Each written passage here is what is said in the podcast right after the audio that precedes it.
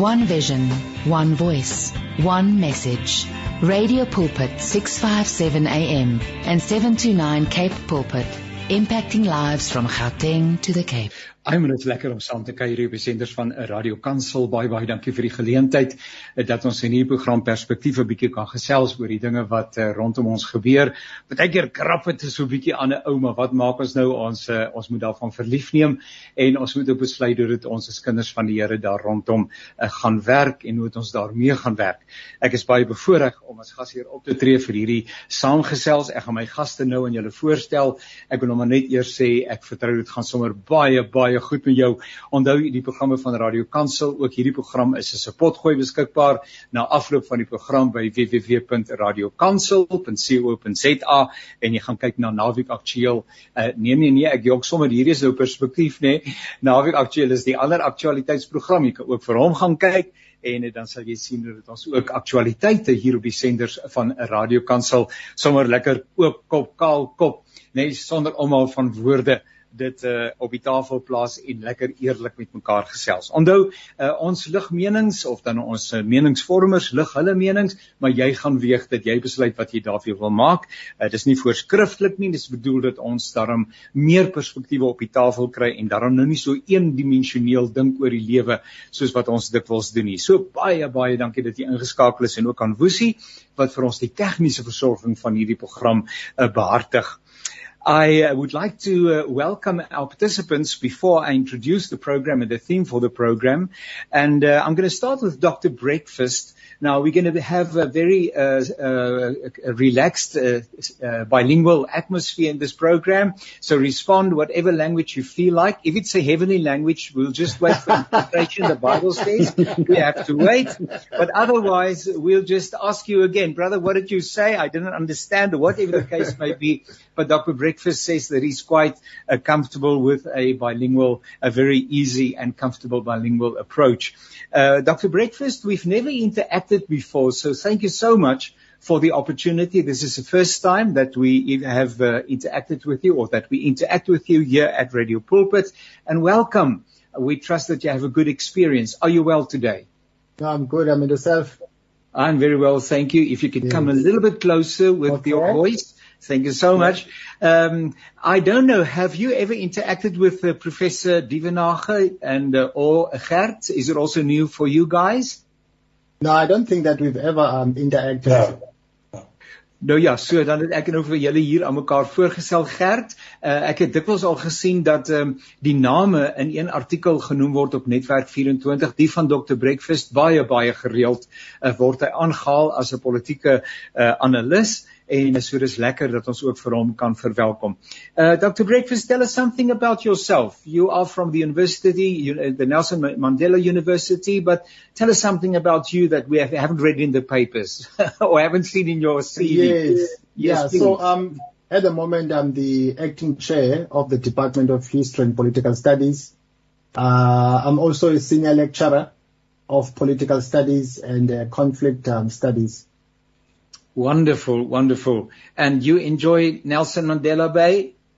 Yes, of course. Um, at some point, I was with uh, Stellenbosch um, University Faculty of Military Science, uh, and then I spent uh, about five years there. And then I came back under the circumstances of um, COVID-19 just after uh, the virus struck. Uh, then I came down here. Well, thank you so much for the time that you've set aside. And then uh professor Andre Dievenage, altyd heerlik om saam te kuier. Ek vertrou dit gaan sommer spoggerig met u uh Universiteit van uh natuurlik Noordwes Universiteit. Vertel ons so ietsie van wat in u lewe gebeur. Môre Janie, ja inderdaad, goed om weer te kan praat. Ek moet sê hier gebeur so baie dinge in die politiek. Ons word inderdaad besig gehou met wat hier besig is om te gebeur. Ek dink die hele gesprek in Suid-Afrika is besig om in 'n nuwe rigting te beweeg en uh, ek dink dit is interessant. So dis goed om saam te praat. Oor myself kan ek maar net sê al bykans 40 jaar in die akademie, primêr by twee universiteite, eers Potchefstroom, uh toe Vrystaat Universiteit en op die oomblik NWU uh koppeling na die besigheidskool. Baie baie dankie and thank you so much uh, Professor Divenage for the time that you've set aside. Gerd, when I page through the newspaper, it seems like you write just about every article. Uh, Gerd is a journalist at Netwerk uh, 24 and he is so busy and so occupied and I'm very thankful that you've set aside the time. Gerd, baie dankie dat jy die tyd op sy gesit het. Gaan dit goed met jou? Mense, maar jy's besig, né? Nee? Dan ek ek dis soos professor Andrei sê, ons kan wraggies nie ons draai nie, jy weet, dit ek gedog ons is net opgeskep in die Suid-Afrikaanse politiek, maar toe laat die Britse politiek ook hier op my lesenaar. Maar ek moet sê toe ek so 'n bietjie na Brittanje kyk, toe voel ek baie beter oor Suid-Afrika. Yeah. okay. Uh, Dr. Breakfast, just again, are you comfortable with this line of, of communication? You, you sure, follow sure. and so on? No, I mean, wonderful. Thank you. Thank you so much. It's wonderful. Uh, now, as the ANC approaches the leadership conference at the end of this year, tension rises. Friends and allies become enemies and adversaries. There is little loyalty in politics, and South Africa is no exception. It is our future that is at stake, uh, that is at stake, the future of our children and grandchildren, and therefore it makes perfect sense that we should be aware of what is happening around us. We look at developments and prayerfully discern what our response, if any, should be. So that by line of introduction. And so with reference to the uh, up and coming leadership conference, we're also going to talk about some other stuff, but um, perhaps we could just contextualize again what is happening at the end of this year. How often does it happen? Why does it happen? How does it happen? So can you just uh, help us uh, with uh, some uh, just some introductory remarks so that once again our listeners are on the same page because we read about these things, but it seems especially with the ANC that there are so many conferences taking place, you never know where you are. Uh, so uh, perhaps Dr. Breakfast, since you are you are the, the new kid on the block, uh, I'm going to ask you to introduce uh, your first remarks, please. Yeah, so um, the constitution of the ANC makes a provision that every five years the party has to converge uh, and elect new leadership and also render an account to uh, the members of um, the ANC, discuss policy issues. So I think that platform is the highest uh, decision-making body uh, besides uh, the um, NEC. So my view is that the the challenges of the ANC are not new. I mean, throughout history, the ANC has had ups and downs, but the difference between now and then is that the conflicts that have broken out of late have nothing to do with the strategic uh, direction of the ANC, but have to do with who stands a chance to benefit from material gains. Uh, I don't think that the ANC can bounce back uh, to what it was in terms of being a hegemonic force. I mean, last year the ANC was dealt with a blow in terms of its electoral uh, performance um, at local government level because it, it got below 50 um, percent um, on the whole. And had we had, I think, uh, general elections, the ANC would have lost power because it would have uh, received below 50 uh, percent. So my view is that the, the, the political longevity or the political lifespan of liberation movements, uh, it tends to be affected by issues of uh, corruption, uh, in particular patronage. Uh, I think the ANC has been using the state machinery as a platform uh, to dish out uh, favors to certain people who are aligned to a particular dominant group uh, in exchange for um, support. Um, and that has, I think, made the electorate realize that the ANC is not what it purports to be. No wonder even last year at local government level, the turnout was very low because there is a, a connection between voter turnout and, um, you know, a lack of uh, responsiveness. So when voter turnout is high, it means that, in my view, that uh, you know people are uh, optimistic that those who are in power can uh, get the job done. So I think I've tried my level best to um, set the scene. So, uh, Dr. Brefus, thank you so much. Quite a number of stuff, uh, things that, uh, and themes that we've placed on the table. Can we just, for a moment, come back to the leadership conference at the end of this year? Um, uh, want op die oomblik lyk dit vir my asof alle oë op daardie uh, verkiesingskonferensie is en ek wil maar net dat ons luisteraars ook goed verstaan wat daar gebeur en wat die belang daarvan is uh, ook vir die toekoms van Suid-Afrika. Professor Andrei Gert, uh, help 'n bietjie vir ons. Hoekom is hierdie konferensie so belangrik en wat kom daarna? uh, uh, hoe hoe beïnvloed dit Jan en almal 'n man byvoorbeeld? Janie, ja, as, as ek vinnig daar kan kan inkom, ek dink uh, Dr. Breakfast het die ding redelik akkuraat opgesom. Dit is ook my waarneming, maar kom ons staan 'n bietjie stil by die konferensie. Die konferensie is die belangrikste besluitnemende geleentheid binne die raamwerk van die ANC strukture en dit is ook die geleentheid waarby die leierskap vir die volgende 5 jaar aangewys word. So hier's twee goed op tafel, die aanwysing van 'n leierskap vir 'n periode van 5 jaar en dan die aanvaarding van resolusies wat oor die 5 jaar geïmplementeer moet word. En die NUK van die ANC wat terloops ook verkies word moet dan toesig hou onder die bestaande leierskap dat daardie resolusies uitgevoer. Nou ons kan onthou by die 2017 konferensie het meneer Ramaphosa teen die verwagting ingekom uh, as gevolg van stemme wat na bewering oorgekoop is uit Mpumalanga en was dit eintlik half teen die verwagting in. En onmiddellik is daar 'n klomp geweldige populistiese besluite geneem. Dit was die strategiese teenvoeter van die kant van Zuma en Ismagashule en talle ander. En op die oomblik sien ons 'n proses binne die ANC om aan daardie resolusies gehoor te gee. Van daardie hele diskurs en die dinamika rondom artikel 25 van die grondwet, nasionale gesondheidsorg en so meer en so meer. Maar die kort en die lank is daar gaan vy omtrent 5000 mense, die getal moet nog bepaal word. So gaan verkiesing hou einde van die jaar, dis hier rondom 16 Desember, dan 16 tot 18 Desember. Wat belangrik is van daai 5000 mense is dat 90% moet kom van die takke af. Die res is verteenwoordigers van die veterane, die jeugliga, die vroueliga en ander belangrike rolspelers. En nou kry die takke die geleentheid om 'n besluit te neem. Nou op sigbaarde, as jy na die presidentsposisie kyk, dan het ten minste 6 provinsies aangedui dat hulle meneer Ramaphosa steun.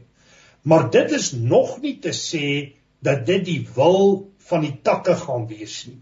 En ek lees die proses as wel ten gunste van meneer Ramaphosa, hangende pala pala en 'n klomp ander goed, maar aan die ander kant moet mens sê dit is 'n onvoorspelbare tyd binne die ANC En Thabo Mbeki is 100% reg as hy sê die einde van die jaar gaan 'n bepalende moment wees vir die ANC as 'n organisasie.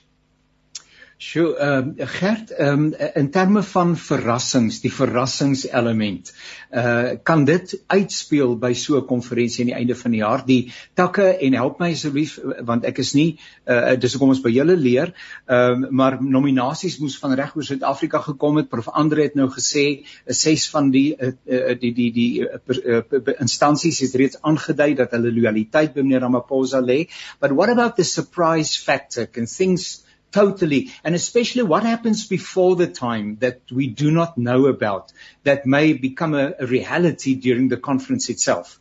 Uh, kan daar afspraak en voorspraak en ensovoorts wees voor die tyd? Ja Janie laat ek maar aan my beste Engels probeer wat prof Andre uh, uh, has hit the nail on the head when he says that six provinces supported Mr. Ramaphosa, but the, the, the main support will have to come from the branches. The provinces can't force the branches to adhere to their will, will as far as I understand it. And before the time, there will be lots, lots of horse trading, lots of horse trading, like in 2017 when um, Mpumalanga was swayed. Dr. Breakfast can come in here as well.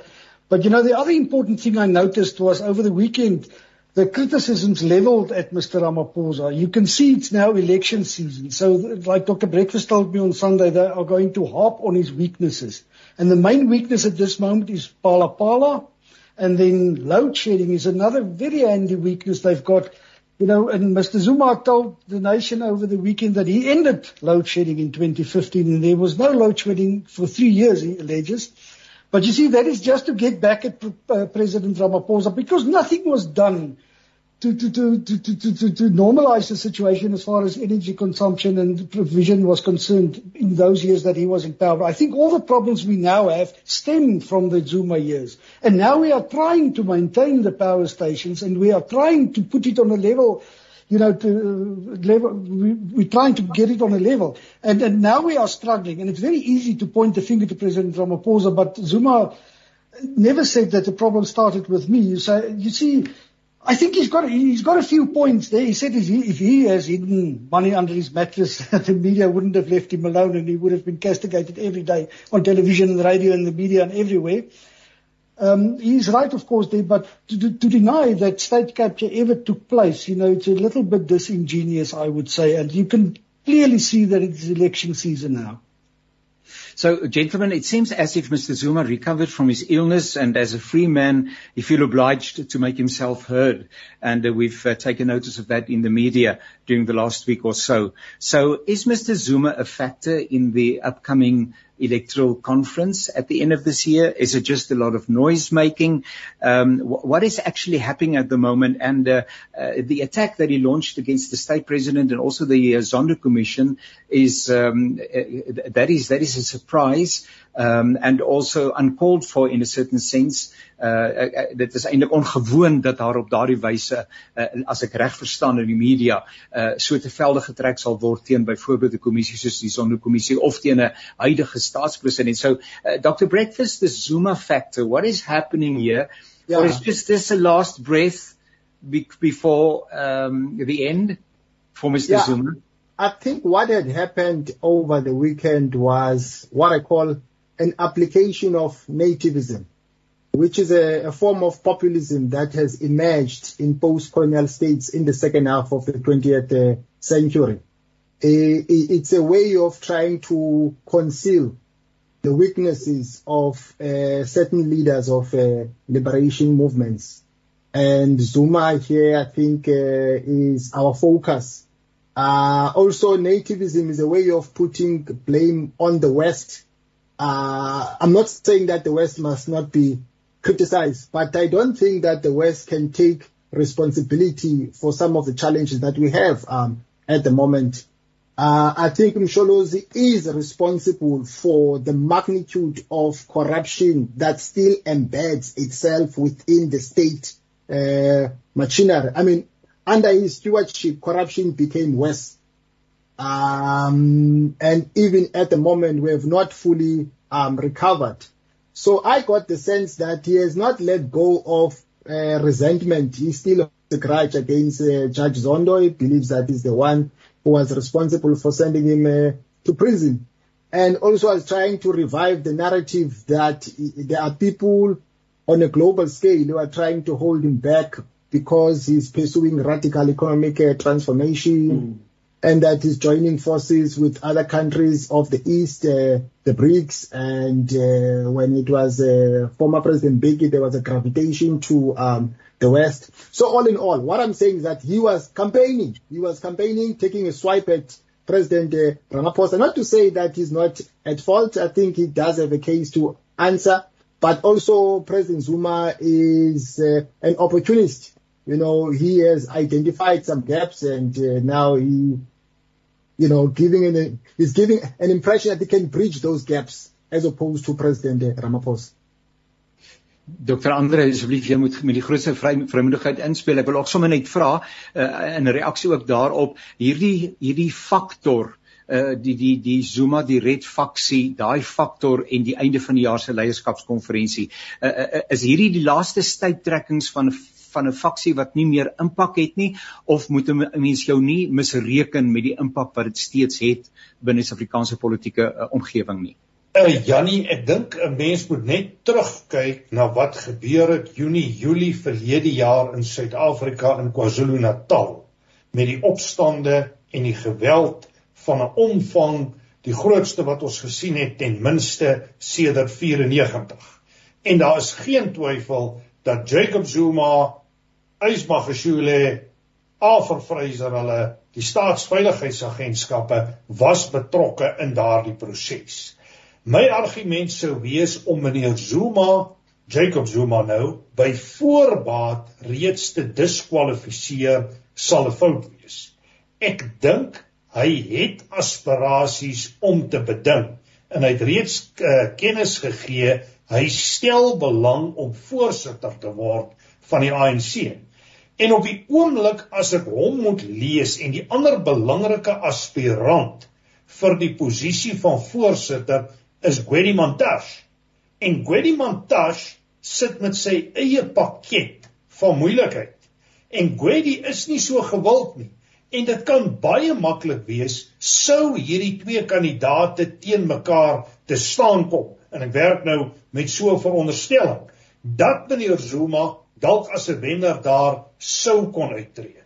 Wat ek wel moet sê is die RET faksie is op die oomblik redelik erg verdeel. Daar's konflik tussen Ysmagashule en Jacob Zuma en ek dink dit verswak die RET faksie baie sterk. Dis interessant met hierdie uh drie oud presidente wat gereageer het op Cyril Ramaphosa en ons moet 'n bietjie praat oor wat hulle gesê het want ek dink dis nie net kritiek op Ramaphosa nie dis substantiëre ontledings van die stand van die groter politieke bestel. Maar as jy nou gaan kyk na wat hulle gesê het, dan kom dit tog deur dat eh uh, meneer Ramaphosa gekritiseer word. Interessant is die Taliban groep wat sy steun gegee het aan Ramaphosa uit KwaZulu-Natal. So hier is groot verdeeldheid. Hier's op die oomblik 'n uh, 'n spel binne die ANC aan die gang waar dit vir my lyk jy letterlik steunbasisse konsolideer en dit dan probeer verkoop aan die hoogste bieder en ek kan nie sien dat daai proses gaan verander nie. Ek moet sê korrupsie wat my aanbetref is deel van die DNA van die ANC. En jy sal dit net kan verwyder as jy die organisasie verwyder. Galema Motlanthe is tans voorsitter van die sogenaamde verkiesingskommissie van die ANC om te kyk of hulle wanpraktyke soos korrupsie en sulke goed kan uitskakel en ek moet sê dit werk op die oomblik nie. En sommer net 'n syfer hier op die kant tot redelik onlangs toe het baie min van die takke nog hulle name, hulle nominasies deurgestuur wat eintlik vir ons sê hoe geweldig vloeibaar die proses is. En ek sluit af met die vraag wat Tabo Mbeki oor die naweek gevra het. Hy het gevra wat indien daai 3 man komitee wat nou aangewys is bevind daar is 'n geldige klag teen Ramaphosa. En dan dink my sommer aan Ramaphosa aan uh, Jacob Zuma se woorde toe hy gesê het hoe sou die wêreld gereageer het as hy 'n paar miljoen dollar onder sy matras weggesteek het? Lyk vir hom of hier twee stelle reëls is een vir Zuma en een vir Ramaphosa. Maar ons is in die debat en in die diskurs U luister na die programme van Radio Kansel. Hierdie program se naam is Perspektief en uh deelnemers aan hierdie program is uh, Dr. Uh, Breakfast uh, van uh, die Universiteit die Nelson Mandela Universiteit, uh, Gert van der Westhuizen Netwerk 24 en professor Andre Dievenage van die Noordwes Universiteit and it's wonderful uh, to have an opportunity just to interact with you and learn from you and uh Gert you refer to English politics, the UK politics and in a sense uh there are parallels as ek nou dink hoe dat meneer Johnson Boris Johnson skielik hier ook na vore getree het en gedink het dat hy as buiteperd al tog wel 'n geleentheid gaan hê om uh die wenner in die stryd te wees uh, om 'n Britse premier te wees en uh, op 'n manier kom meneer meneer Zuma ook nou weer en hy sê maar sit my naam op die tafel. Uh ek beëindig my vakansie onmiddellik en ek uh, raak betrokke by die hele proses. Uh help vir ons asseblief. Uh, en dan dan ook die interessante ek wil sommer net so tussen hakkies insit hierdie interessante Liebenberg faktor uh wat 'n mens eintlik glad nie kan verstaan uh waar die liefde en die toegeneentheid en die dubbelpratery en die akkommodering van 'n van 'n vergewe my as ek dit sê, maar dit lyk vir my 'n gebore ras, iemand wat 'n baie rassistiese inslag het en nie daaroor skaam is nie hoe dit hy geakkommodeer word binne daai ruimte en selfs vir van as ek reg verstaan van die regskoste van meneer Zuma 'n dek. So dis lekker weer mekaar. Ja, dit is inderdaad lekker die mekaar Janie. Hier's baie ander faktore wat nou betrokke is. Laat ek nou maar weer in Afrikaans probeer. Jy weet wat ek Saterdag weer gesien het, ek was self daar by die perskonferensie van meneer Zuma. Hy is 'n baie karismatiese man, hè. Ek dink hy het ja. baie karisma. Jy kan dit nie van hom wegvat nie, want na die tyd is daar sommer mense wat van oral af kom in die hotel was vol besig met konferensies en goed wat foto's saam met hom wil hê, jy weet. Net sy hand wil skud wat net met hom wil praat. So hy het nog 'n aantrekkingskrag vir mense. Ek stem egter wel met prof Andrei saam dat daar geweldige verdeeldheid in die RET fraksie is want ek dink een van die koerante het verlede week berig dat daar baie spanning tussen Zuma en Ysmagashule is. Zuma is blykbaar kwaad vir Ysmagashule omdat hy nie genoeg gedoen het om Ramaphosa se magsbasis binne te sypel en te verswak. Jy weet en uh, maar maar nou ja, dis waar al die uh, Zuma het nou wel aandrag baie kritiek gegee, maar van die goed wat hy gesê het is natuurlik waar, maar ek dink die die die die beste kritiek het gekom van van Thabo Mbeki en en en die en um, die ander oud president um, Motlanthe. Ehm um, jy weet ek dink die president het gister ook probeer reageer daarop. Jy weet hulle wil nie duidelik dadelik op neer Zuma reageer nie. Hulle het gesê kyk maar dit is wat ons goed gedoen het sedert president Ramaphosa aan bewind gekom het. Hy het 'n staat geërf wat crippled was by corruption and state capture and everything. Jy weet so hy het basies 'n pynhoop geërf en hy hy moes iets daarvan probeer maak. Maar hulle het ook gesê, jy weet, hy en Bekkie het 'n oop plein na mekaar toe en hy waardeer baie keer wat Bekkie vir hom sê, jy weet, en hy hy gee glad nie om vir konstruktiewe kritiek nie. Maar soos ons almal weet, dit gaan nou baie moeilik. Hulle sal vir jou sê die presidentsie, kyk ons maak vordering. Ons maak bitter min vordering, maar ons maak vordering. Hulle het die perfek, hulle het die voorbeeld wat hulle genoem is Verlede jaar met die COVID skandaal is daar mense betrap wat uh, korrupsie gepleeg het met beskermende klere. Hulle is dadelik of nie dadelik nie, maar hulle is kort daarna as daar sake teen hulle begin van hulle is in egting sien van hulle in die hof verskyn. Hulle sê in die era van staatskaping sou daar eenvoudig net niks gebeur het nie. Nou die Liebenberg faktor, ek sien ook maar net wat ek lees. Jy weet dit is vir my 'n baie vreemde assosiasie daai maar ek wonder meneer Zuma trek probeer dalk nou maar allerhande bondgenote kry wat hy in die hande kan kry en dis natuurlik baie handig as iemand vir jou honderde hofsaake betaal maar volgens rapport die naweek het Liebenberg die idee om saam met Zuma te gaan dan kaap hulle weer die staat soos dit gestel is in die berig want hy wil graag 'n tuisland vir Afrikaners hê. Nou Dr. Breakfast en professor Andre sal 'n bietjie meer daaroor kan sê maar 'n tuisland vir Afrikaners ek weet nie eintlik of dit nou nog steeds gaan werk nie maar dit is nou die plan wat na bewering op die tafel is. Dr. Breakfast two totally irreconcilable agendas. Mr. Liebenberg and, uh, and Mr. Zuma, but they work together. That is uh, that is quite something. Uh, and then can can we also speak about for a moment? Help me to understand the role that Mr. Mbeki is playing at the moment, because mm-hmm. we hear him quite often. He's critical about what's happening mm-hmm. with South African political space at the moment. But uh, what does it benefit him? or is yeah. it a bona fide contribution towards the uh, development and the healing of South Africa? How should we understand the Mbeki factor? Yeah, so firstly and most importantly, we need to remember that people who are former presidents of the ANC, they belong to a league of their own. They are, uh, you know, uh, uh, senior of seniors. Um, so they have a right to speak their minds. Mm-hmm. Uh, but the challenge is that I'm not sure what former President Beki is up to, largely because his line of thinking, in my opinion, is contradictory. For instance, during the epoch of Jacob Zuma, he said himself, he said he wasn't going to comment on domestic issues. He was going to comment on international relations. Mm. And he never said anything when Zuma was in power. And all of a sudden now he has had a change of heart. And that begs the question as to why.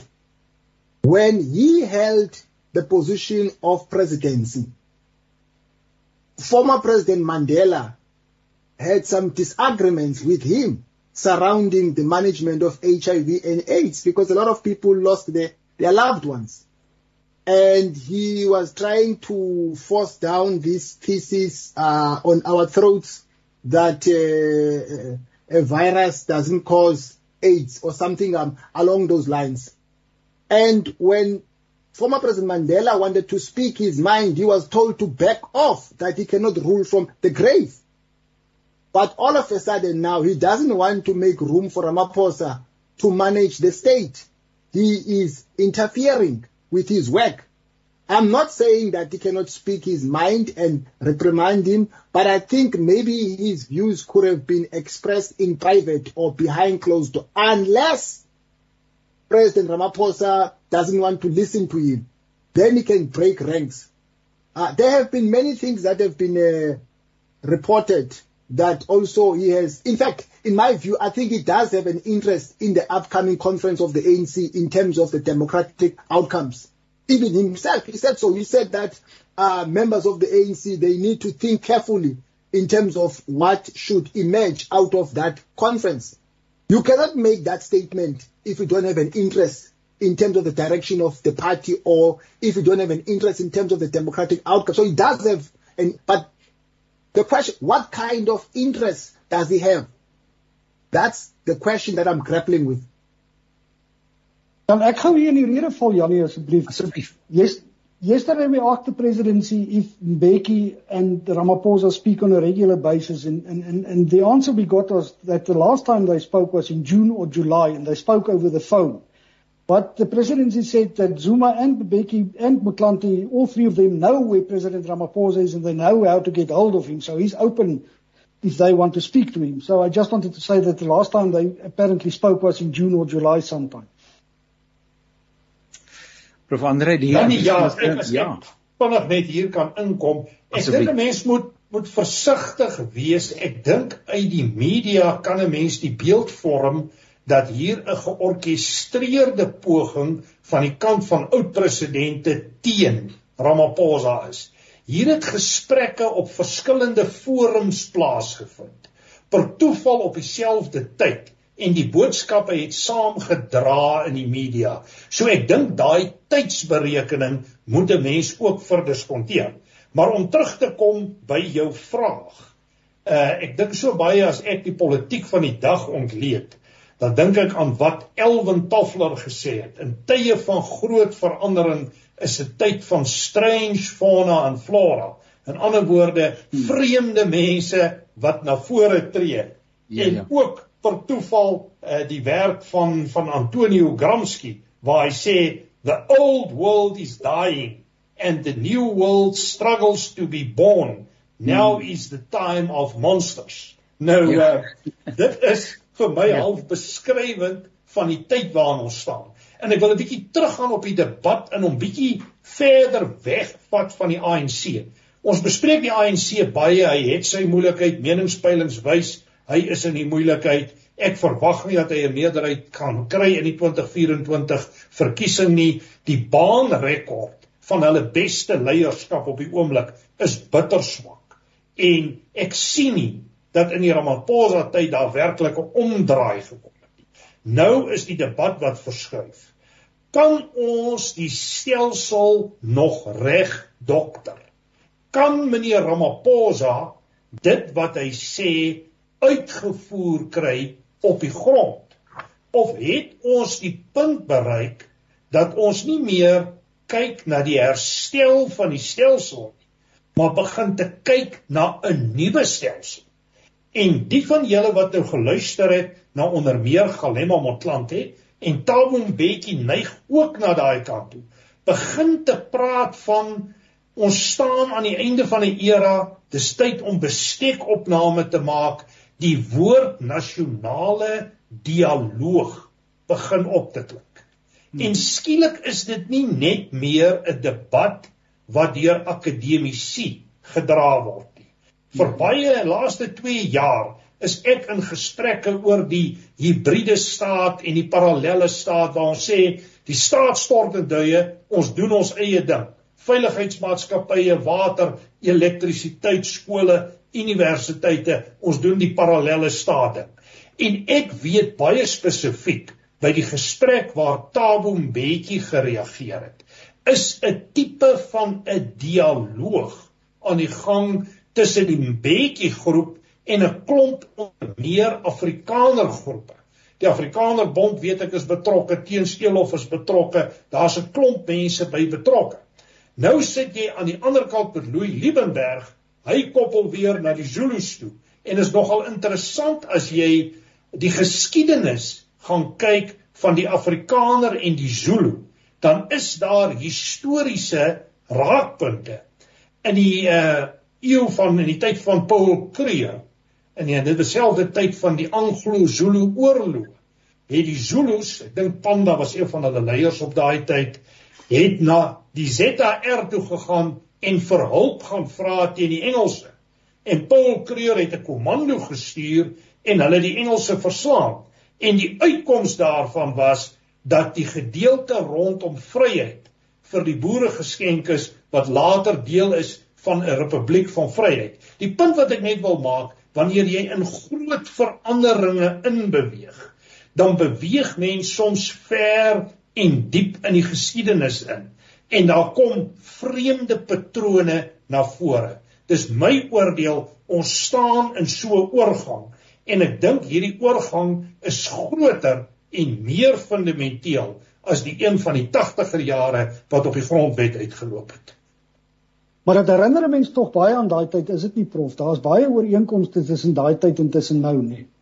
Ja, inderdaad, is daar belangrike ooreenkomste en uh, dit is weer 'n punt waar mense met mekaar begin te praat. Mense dink nou aan die tyd van Teens Elof met die Dakar berade, toe mense begin het om gesprekke te voer. Thabo Mbeki was daai tyd aan die ANC kant 'n kernfiguur. Jy het 'n staat gehad wat in die moeilikheid inbeweeg het. Jy het onstabiliteit gehad.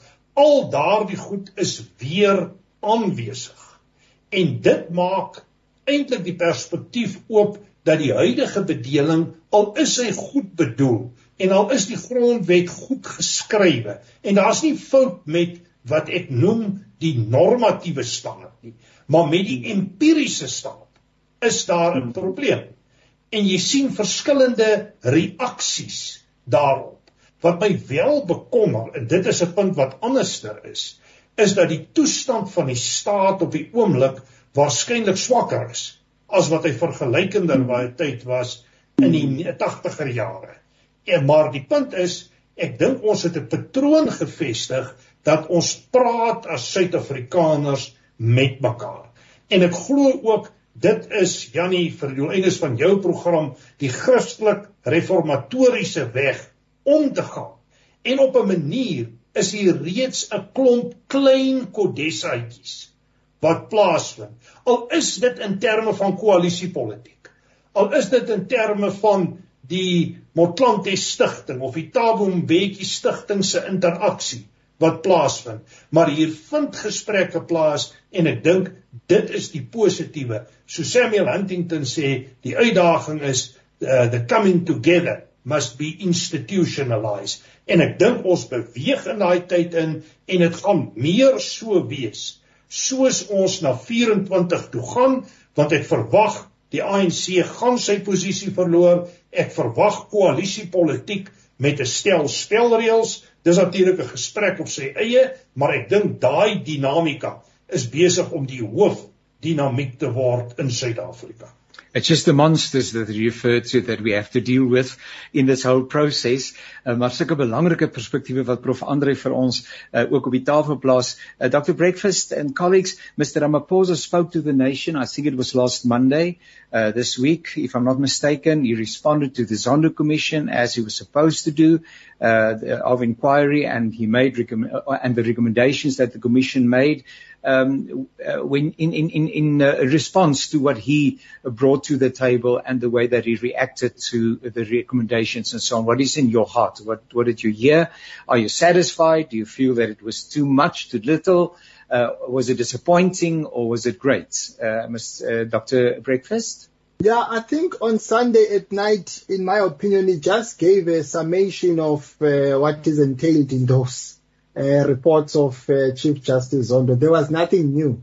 Uh, there's nothing that blew my mind except uh, the fact that he was proposing a refinement or a restructuring of, uh, I think, um, NPA, or he was talking about a need for an independent institution that will do the uh, prosecution, something along the lines of the old scorpions that's the only thing that maybe caught my attention. But besides that, he was reinforcing what is entailed in the Zondo uh, reports.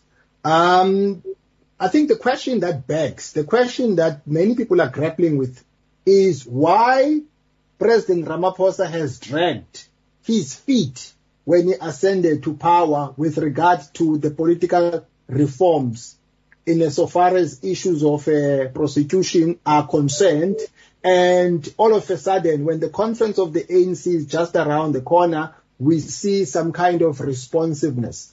So the question that begs is, uh, what is the rationale behind that? What is the motivation behind? Is he doing what he is doing in good faith, or is there a sinister motive? Kom ons hoor Gert die jou respons op uh, meneer Ramaphosa. Dankie. Thank you for the correction. It was Sunday indeed. Uh, and what he spoke, what he said. Ja ja, ek het 15 minute gehad om die storie vir die eerste uitgawe van die koerante te skryf en ek moes dit in die donker doen want dit is beerdkrag so. Soos Dr. Breakfast sê, dit het in daai stadium vir my uitgestaan, so dit was 'n baie moeilike storie om te skryf. As 'n mens nou kyk na die ontvangs daarvan was baie lou warm. Ons het gister gevra vir die pres presidentsie se woordvoerder, wat sê die president daarvan as hy teleurgestel daaroor? Hy sê natuurlik die president is nie teleurgestel daaroor nie, want dit hang af van watter hoek jy daar van uit watter hoek jy daarna kyk. En hulle beweer nou daar word vordering gemaak maar twee goed wat nogal uitgestaan het. Die eerste een is kaderontplooiing is nie bespreek nie. Dit is een van die groot probleme wat die sondekommissie uitgewys het. Hy het gesê kaderontplooiing lyk baie van die probleme met korrupsie. Dis die, die president het glad nie daarna verwys nie. Die New York Times het gister ook in sy reaksie gesê die president het daarna verwys nie. Dan die ander ding is optrede teen hooggeplaaste figure in die ANC ons kyk nou die minister Gwedi Mantashe is die enigste minister in die kabinet wat op die oomblik in die kabinet is wat uh, teen wie daar negatiewe bevindinge maak het. Dan is daar drie adjunkministers en talle vorige ministers teen wie daar negatiewe bevindinge gemaak het.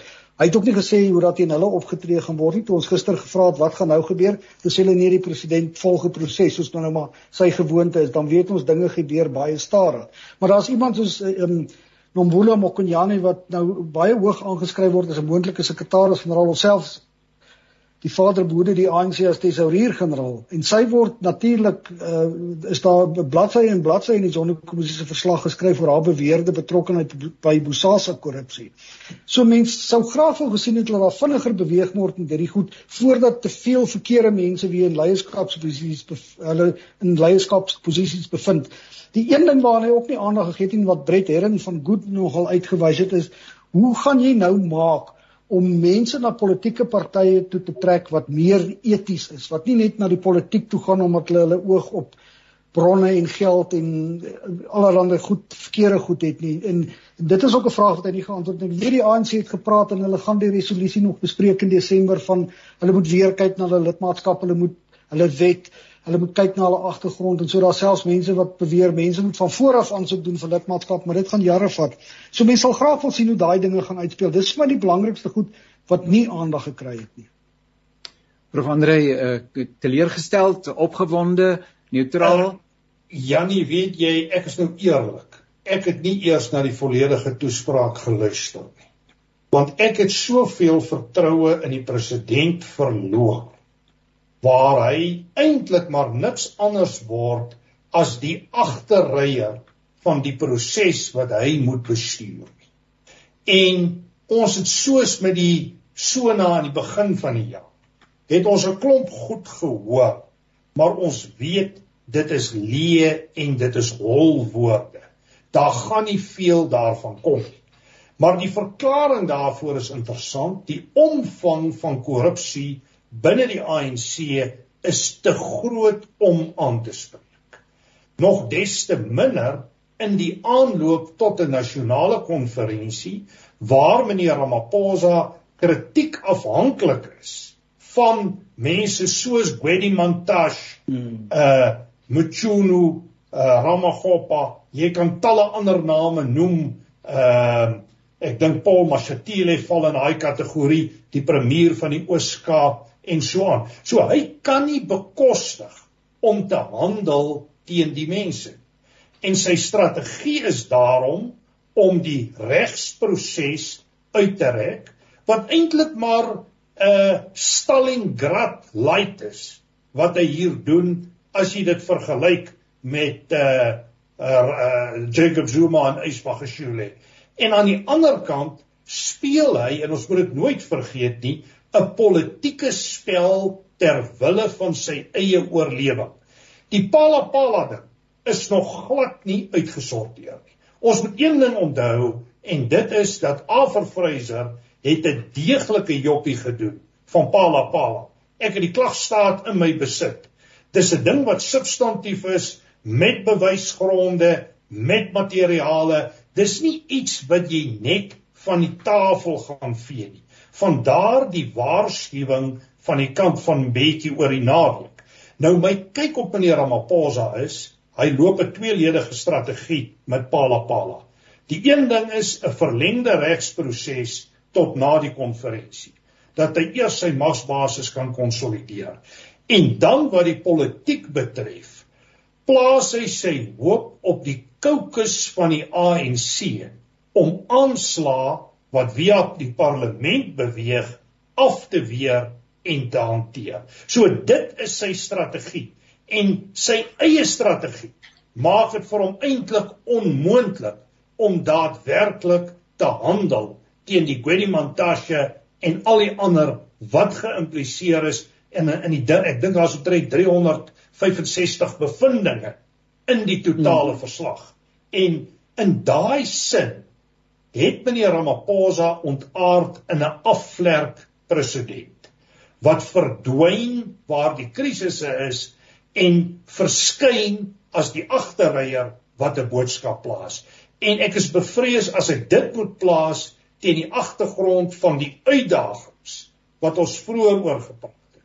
Dan is die uitdagings nou vir 'n leier om daadwerklik op te staan. Om te sê, meneere, ek is hier om te verander. En ek wil amper sê, ek haal my hoed af vir EW de Klerk Gert as ons die parallel kan trek wat daardie tyd teen die odds in, as ek die Engelse term kan gebruik, gaan standpunt inneem. Ek lees nie meneer Ramaphosa op daai punt nie en ek is bevrees dit kan maak dat hy hy kan dalk 'n konferensie wen maar hy gaan éventueel 'n slagoffer word van die dinam dinamika van sy eie organisasie en die groter politieke proses Colleagues, uh, uh, we're nearly at the end of this program, so if you're together with me, just what, look at the watch so that we uh, end in uh, five minutes or so from now. Uh, I was just thinking, uh, by way of closing, if you go to the shopping malls, it's full of Christmas decorations. People are excited about Christmas and the celebrations and the end of the year functions and all of that. Should we rather just concentrate on that? Nothing important is going to happen towards the end of this year or what kind of response should we have? How should we look at the rest of this year? Um, it's uh, almost November, December. Uh, uh do you have a date? When does this particular uh, elective conference take place? Uh, are there dates? 16, 16th December to the 21st mm. of December, but it usually sort of ends after the election, yeah. was so rondom 16 Desember dan. Ehm um, nou nietemin, uh moet ons maar begin om uh, die kersboontjies op te sit en te sê uh, niks verrassend gaan gebeur nie, it's more of the same. Ehm um, uh nou ja, gelukkig kan ons as kinders van die Here bly bid, maar sommer net 'n closing remark, please, uh, Dr. Breakfast, let's start with you. Um I think your question was whether should we turn a blind eye to the conference or not. My answer is that um uh, you know Aristotle once said man is by nature a political animal. Suffice to say the essence of existence of human beings is politics. We cannot separate ourselves from politics politics they do affect us whether we like it or not. Um, the the dynamics within the ANC uh, have permeated into the state uh, machinery. I mean, we saw what had happened in terms of uh, the fire that broke out uh, in Parliament. In fact, my view is that Parliament uh, did not uh, catch fire; it was set on fire on mm. purpose. Correct. This, yeah, the same goes to um, the Constitutional Court. Mm. So, as citizens of this country, we have to be concerned about the direction that the country is um, taking. Mm-hmm. Thank you, Dr. Breakfast, uh, University, the Nelson Mandela University. Thank you for your participation. Hopefully we can do this again in the near future. Mm. Gert, kom ons maak daar by jou 'n draai. Ehm um, hoe beplan jy vir die res van die jaar? Want jy gaan sekerlik moet maar moet bywoon, hè, en skryf. Ja, ja, nee, ek sal maar moet bywoon. Dit dit oorheers omtrent alles wat ons nou op die oomblik doen is hierdie verkiesingskonferensie. Maar nou ja, jy weet ons as Suid-Afrikaners het maar nog altyd baie moed en ek dink ook omdat ons wat Prof Andrei genoem het, daar's al hoe meer mense wat wil praat, al hoe meer mense wat na vore tree. Jy weet ek was nou die aand by 'n ontmoeting van die Rewonia Circle. Dit gee mense bietjie moed dat daar sulke ja. mense is wat na vore kom en dat ons ja. gesprekke sal moet voer en dat ons sal moet terugkeer want ons staan op die rand van die afgrond. Ons moet terugkeer weg van daai afgrond af Janie en ek hoop ons sal dit kan doen. Dis Gert van der Westhuizen baie baie dankie dat jy altyd bereid is om saam te gesels netwerk 24 uh joernalis, politieke joernalis en uh, professor Andre 'n laaste woord van u kant af. Uh Jannie, ek dink dit gaan 'n baie besige tyd wees vir al drie van ons want ek moet eerlik sê die media hou ons ontsettend besig en soos Gert reg sê dis die hoogtepunt van die politieke aktiwiteite van die jaar in Suid-Afrika en ek verwag dat die media geweldig besig gaan wees oor daai tyd. Moet ons bekommerd wees oor die uitkoms? Ja, ek dink ons moet bekommerd wees oor die uitkoms. Ek dink nie dinge is kom ons gebruik die Engelse term business as usual. Iemand gaan iewers seer kry of kwaad wees in die proses.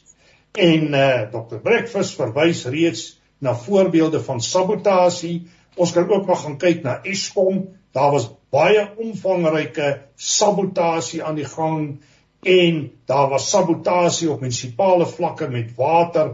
Hier is 'n kultuur van sabotasie aan die gang. Nou ek dink nie dit gaan te veel onstabiliteit op die voetsoolvlakke maak vir Suid-Afrikaners nie. Maar ek dink dit mag 'n baie moeilike en 'n slegte Kersfees wees vir sekere politieke elites in Suid-Afrika en die dinamika sal waarskynlik uitspeel hier na die 8 January statement se kant toe na nuwe jaar as almal nou eers gerus het en goed gekuier. Hmm. Professor Ander Dievenage Noordwes Universiteit en uh, ek dink sommer so terwyl jy gesels aan die aanhef van ons grondwet wat sê seën ons Here God seën Afrika seën Suid-Afrika. Ons het hom nodig. Uh, dis hoekom ons ook bymekaar is sodat ons met hierdie inligting uh betekenisvol kan bid en kan intree, maar ons het ook gehoor professor Ander het gesê ons gaan toenemend 'n rol moet speel en terugneem as ons uh, 'n uh, rol vir ons as ons se toekoms sien vir ons kinders en ons kleinkinders en ons sal moet onderskei wat is dit uh, uh waartoe die Here vir elkeen van ons individueel en ook gesamentlik roep. In die besonder ook die kerk die kerk kan nie meer stil bly nie, het 'n profetiese rol in 'n tyd soos hierdie, moet sy lidmate toerus. Nietemin, uh kollegas Gert, Dr Breakfast en uh, ook uh Prof Andrei, dankie baie baie dankie. Dit was heerlik. Thank you so much for dankie, the technical um assistance. We really do appreciate that. Dankie vir die ouens wat saam geluister het en uh, volgende keer maak ons weer so. Seënwense tot 'n volgende keer.